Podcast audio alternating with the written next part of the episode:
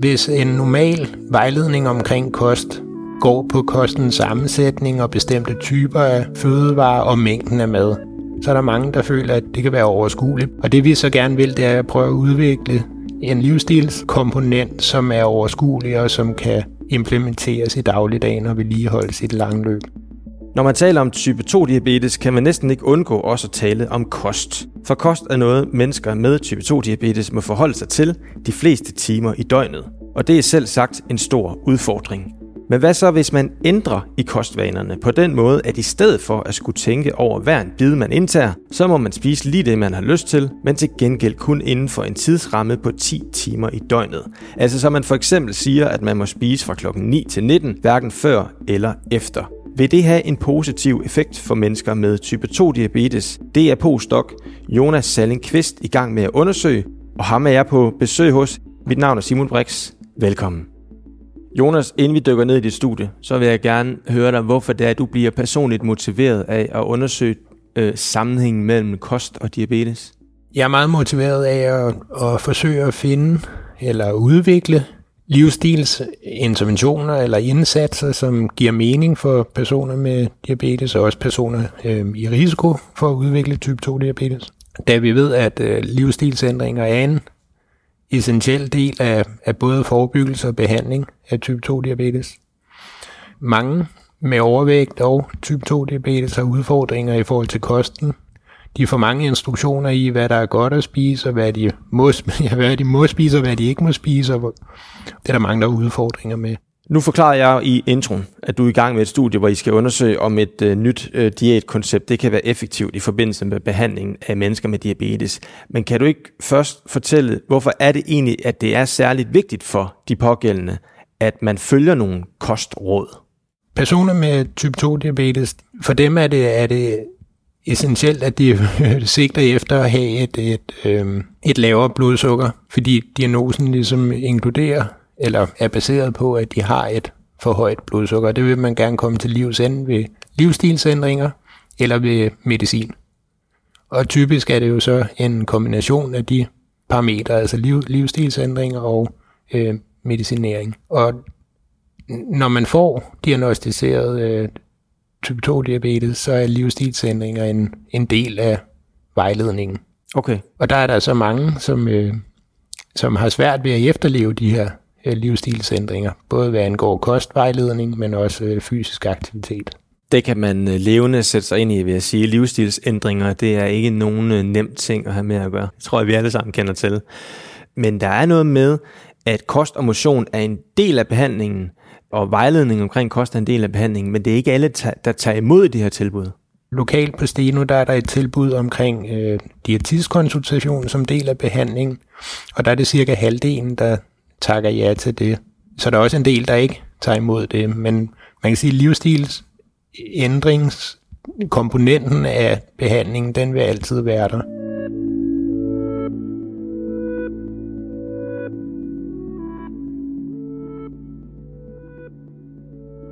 Og det du er i gang med at undersøge, er det så, om man kan lette de her livsstilsforandringer for nogle af de her mennesker med type 2 diabetes, som har svært ved den vejledning, de får i dag? Hvis en normal vejledning omkring kost går på kostens sammensætning og bestemte typer af, af fødevarer og mængden af mad, så er der mange, der føler, at det kan være et det kan være overskueligt, blandt andet fordi de måske har nogle præferencer for nogle bestemte fødevarer, og skal give afkald på dem, hvis det er, at de får en anden mm. instruktion, men også fordi det bare er meget at gå og, og holde styr på i dagligdagen. Og det vi så gerne vil, det er at prøve at udvikle en intervention eller en livsstils øh, komponent, som er overskuelig og som kan implementeres i dagligdagen og vedligeholdes i det lange løb. Og hvad er det ganske kort, det går ud på? Jamen i det her studie, der vil vi, øh, vil vi bruge det koncept, der hedder tidsbegrænset spisning, som er et simpelt koncept, hvor man egentlig bare indsnæver det tidsinterval, hvor kosten indtages. Og i det her studie, der vil vi bede deltagerne om at spise inden for 10 timer i døgnet i et stabilt øh, mønster hen over ugen. Det kunne fx være 9 til 19. Uden for det tidsvindue, der, der drikker man så kun vand. Og inden for tidsvinduet er der ingen restriktioner i forhold til hvor meget eller hvad de så skal spise. Der må man spise lige det, man har lyst til, og i det mængder, man har lyst til. Ja, men der kan man sige, der er det stadig en del af, det vil implementeres i behandlingen. Det vil sige, de vil stadig være deltager vil have en vejledning omkring livsstil og, okay. og medicin og så videre fra sin behandler. Ja. Men det er for let byrden omkring, at man hele tiden skal tage stilling til, hvor meget må jeg spise, ja, og hvornår skal jeg spise igen. Og... Præcis. Og det, og det er simpelthen fordi, at man helt tilbage fra vi øh, designede det studie, vi nu er ved at være færdige med i forebyggelse af diabetes, der, øh, der havde man set i dyrestudier, at når man gav, det var som mus, mm. når man gav dem deres øh, adgang til føde i, i færre timer i døgnet, så selvom de spiste en højfed, sukkerholdig diæt, så kunne de faktisk opnå vægttab og, og forbedre stofskifte. Så det vil sige, selvom de spiste en uansigtsmæssig øh, kost, så bare det, at de, de gjorde det inden for et stabilt, øh, afgrænset interval, det førte til forbedret øh, hvad kan du sige, øh, prof, sundhedsprofil. Okay, interessant. Og der var meget lidt dengang, vi designede det studie, for ja, det vil være fem år, fem år siden. Øh, der var meget lidt i mennesker, og det var det, der var motivationen. Der var et studie, der havde vist, at når man havde personer med overvægt, det var faktisk en af vores samarbejdspartnere i Kalifornien, som havde lavet nogle af dyrestudierne, de bad så en lille gruppe personer med overvægt spise inden for, for 10 timer i 16 uger, og så, at de havde tabt sig efter de 16 uger. Og det vigtigste var egentlig, at de gerne ville fortsætte det her tidsbegrænsede spisning efter de 16 uger.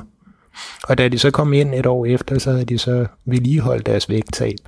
Så det var ligesom vores motivation for at sige, om hvis man skal lære det op i et større studie, kan man så se hensigtsmæssige effekter. Ja, i forhold til blodsukker og sådan nogle ting, fordi det kunne man ikke se i det studie der. Ja, det, det, det målte de ikke i det studie. Der okay. var det på kropsvægt. Så I håber, I kan forene de to ting. Så ja, det, men... man har bevist øh, på mus, og det, man har, øh, den del af studiet, man ja, har bevist der, på mennesker. Så er der sideløbende med vores studie en række øh, mindre studier, der har vist positive effekter på blodsukker og, og andre øh, komponenter. Men jeg kommer bare til at tænke på, hvis man kunne spise inden for en tidsramme på 10 timer hver døgn, altså kommer man så ikke til til gengæld at gå og føle sig sulten hele tiden, inden klokken 9 og efter klokken 19? Jo, man kan sige, det, det er også en bekymring, men det, det er der ret meget, der tyder på, at man ikke gør. Det kan godt være, at altså, nu taler om de studier, der er blevet publiceret undervejs, øh, imens vi har haft vores studie i gang. Det tyder på, at man måske lige skal vende sig til det, så kroppen skal ligesom indstille sig på det, men at, at der faktisk er studier, der viser mindre sultfølelse om aftenen, hvilket er lidt paradoxalt, fordi man netop ikke har spist i de timer, hvor man faster fra for eksempel 19 af. Ikke?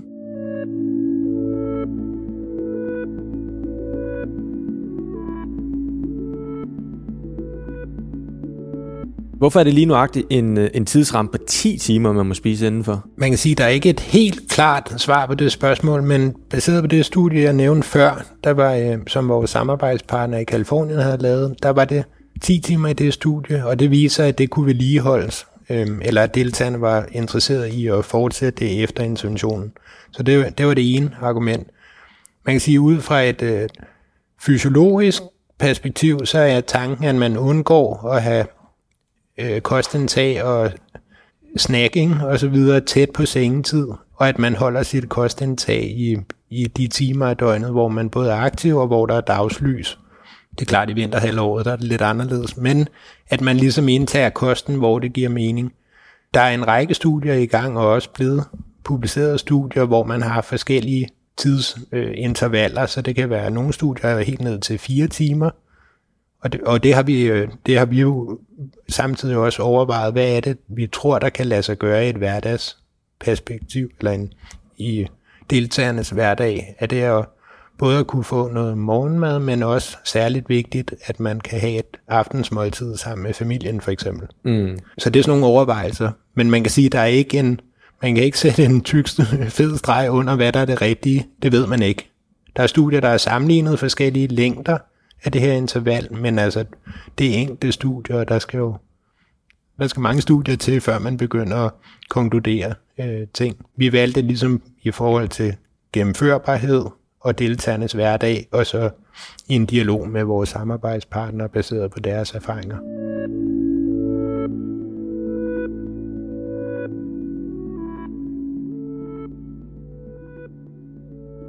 Jeg ved, at øh, det, det nye studie, som, som, I, som I er i gang med, det er funderet i tre faser, og at det bygger videre på nogle erfaringer fra et, fra et studie, som du allerede er i gang med. Vil du lige kort forklare omkring det studie, som I er i gang med?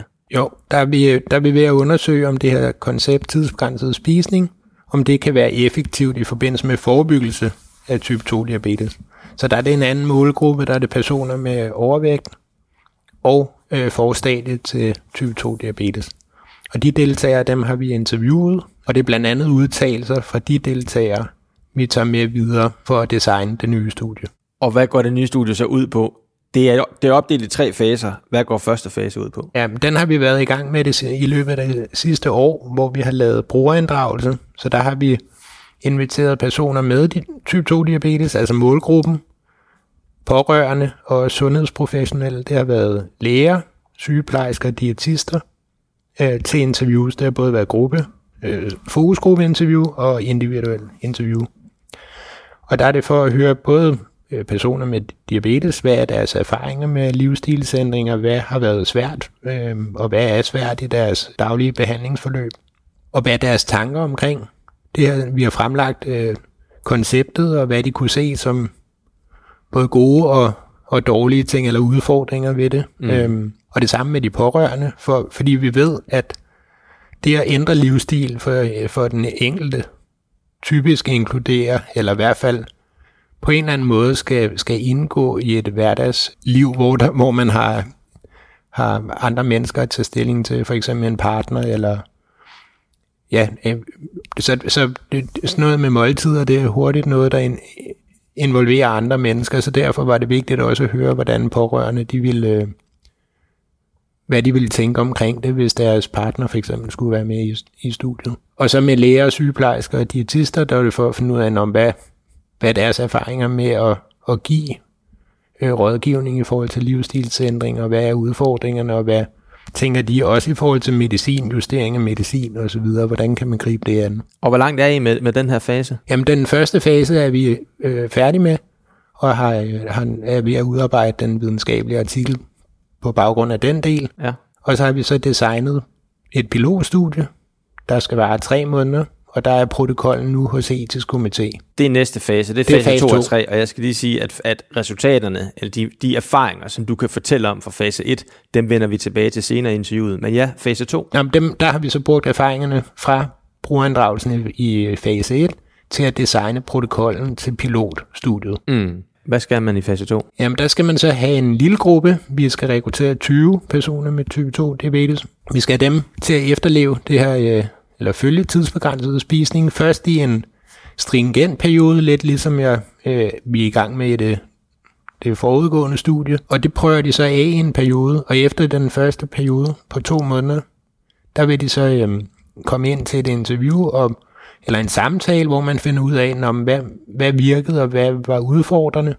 Og så vil der være en, et udvalg af forskellige justeringer, som vi vil tilbyde. Og det er blandt andet på, baseret på deres udtalelser i fase 1.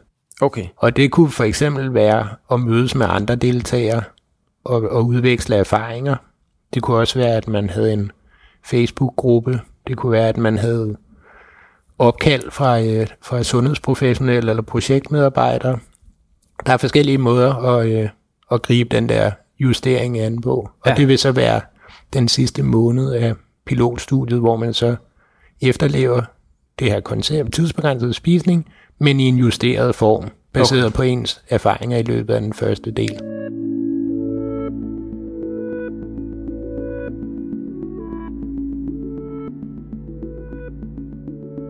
Og i forlængelse af det, så kommer fase 3, og det er jo i virkeligheden studiet. Det er jo det, der skal føre til øh, forskning, hvoraf man kan udlede nogle erfaringer, som kan blive implementeret ud i virkeligheden. Ikke? Altså de, de første to faser leder op til det store vigtige fase 3. Netop. Hvad, hvad går øh, fase 3 ud på? Fase 3 er så det øh, kontrollerede lodtrækningsforsøg, hvor vi så skal have 260 personer med type 2 diabetes fra Steno Diabetescenter øh, København, og endokrinologisk afdeling på Hvidovre Hospital til at, at følge øh, interventionen i et år. Og den intervention, den vil så være baseret på fundene i pilotstudiet, så vi bruger pilotstudiet til at designe den endelige intention. Mm. Men tankerne er stadig, at man vil have en periode, hvor man følger det stringent i starten, for at finde ud af, hvad er der for nogle udfordringer, og hvad virker godt, og hvad virker dårligt. Og at man så får et tilbud om justeringer efter en periode på enten to eller tre måneder, og så følger man så den justerede udgave i de sidste, om det så er ni måneder. Ja, hvad måler I på?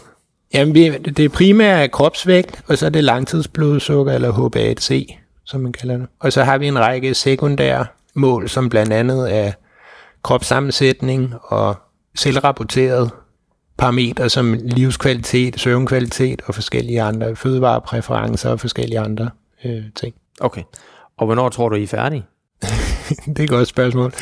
Øh, pilotstudiet, det er fase 2, starter vi i det nye år, og det løber så afhængig af, hvor hurtigt vi kan rekruttere de deltagere til det i løbet af 22, og så vil vi starte design, eller slå os fast på designet til fase 3, altså det, det endelige studie.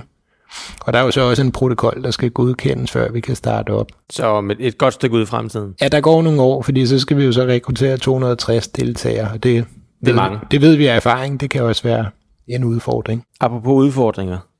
Hvad, hvilke udfordringer forventer du, I vil støde på, udover det her med, at det kan være svært at rekruttere? Man kan sige, at baseret på vores erfaringer i det nuværende studie i forebyggelse, der er det blandt andet det her med sociale aktiviteter. Altså fordi konceptet er ligesom, at man har indsnævret sin kost til nogle timer i døgnet, hvor det giver mening, både i forhold til ens aktivitetsniveau, men også i forhold til stofskiftet. Og at man undgår at snakke og så videre sent om aftenen. Mm. Så det er en ting, men den anden ting er også, at hvis man er til middagsselskaber for eksempel, så overskrider man nemt det spisevindue, man har. Så hvis man skulle slutte klokken 19, så kan det godt være, at man kun har fået forretten på det pågældende tidspunkt. Og, og det har, har vi set nu, at det er udfordringer for nogen. At de føler ligesom, at det at indgå i sociale aktiviteter, hvor der er mad og drikke, det kan være en udfordring. Og det er blandt andet det, vi vil tage højde for os i den der justerede del af interventionen, hvor det kan være, at man skal give plads til, at der er dage, hvor man så at sige får lov til at afvige fra ens øh, daglige spisevindue. Okay, ja. Så det var en ting. Øhm, det kan også være støtte hjemmefra, at der er nogen, der har haft der, der har manglet støtte fra partner eller pårørende. Så det er også en ting, vi skal tage højde for, at det ikke er alle, der har den samme støtte på hjemmefronten.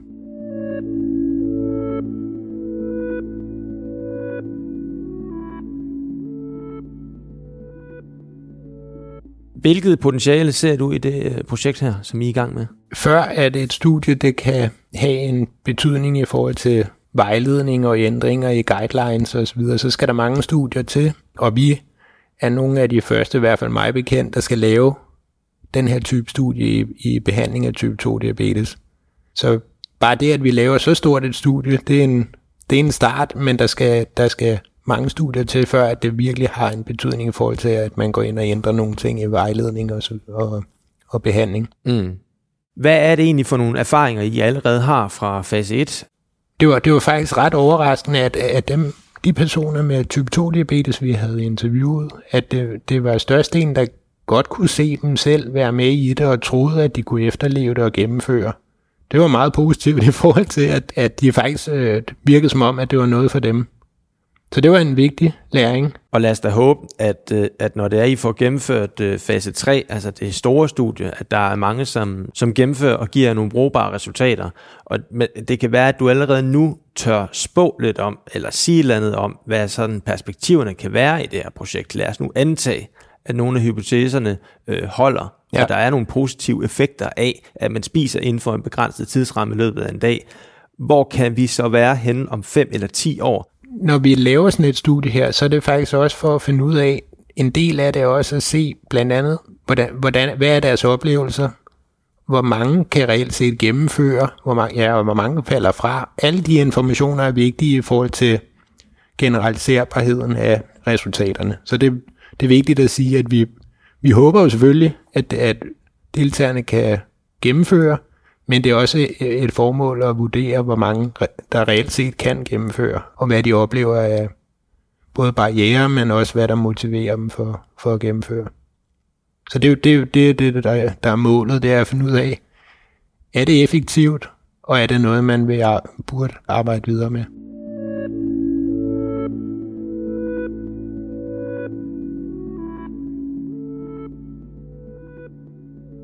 Hvad er det vigtigste, du selv har lært ved at arbejde med det her område af diabetesforskning, som du nu har gjort gennem et stykke tid, og også kommer til at gøre en kommende periode? Jeg tror, min erfaring igennem øh, alle de studier, jeg har været involveret i, der har med livsstilsændringer at gøre, det er, at, øh, at livsstilsændringer er meget komplekse, eller livsstil generelt er meget komplekst, og at det er meget individuelt, hvordan, hvad der virker for hver enkelt person, der er med i, i et studie. Og derfor er at det her med, som man normalt laver i sådan et studie, design med en interventionsgruppe og en kontrolgruppe, altså et øh, kontrolleret løgtrækningsforsøg, der, der propper man normalt alle i samme gruppe, eller det, det er i samme gruppe, men giver dem samme behandling for så at se på nogle effekter. Og der er der helt tydeligt, at baseret på de her individuelle præferencer og hvad der kan virke for den enkelte, ved at vi nu i det nye studie tager hånd om det ved at prøve at tilbyde en justeret del af interventionen efter den stringente periode. Det tror jeg er ret, ret vigtigt, netop fordi hver enkelt person håndterer en behandling på, på en bestemt måde, og nogen synes om det, andre synes ikke om det, og har brug for nogle andre øh, muligheder i forhold til støtte og, og justering. Så det er, jeg tror, det, det, er, det, det er populært sagt, at øh, der er ikke en, en type ændring eller øh, intervention, der virker for alle. Det må være det, der er, der er det primære, primære erfaring og budskab, og det vi prøver at tage hånd om i det nye studie. Fornemt. På den note, så vil jeg sige tusind tak for, øh, for at fortælle mig og lytterne, Jonas, omkring det her studie, som bliver spændende at følge. Det var så let. Og dermed slut på denne episode af Diabetesforskerne, produceret for og udgivet af de seks Steno Diabetes Centre. Find alle episoder i enhver podcast-app og på Steno Diabetes Centrenes hjemmesider. Mit navn er Simon Brix. Tak fordi du lyttede med, og på genhør.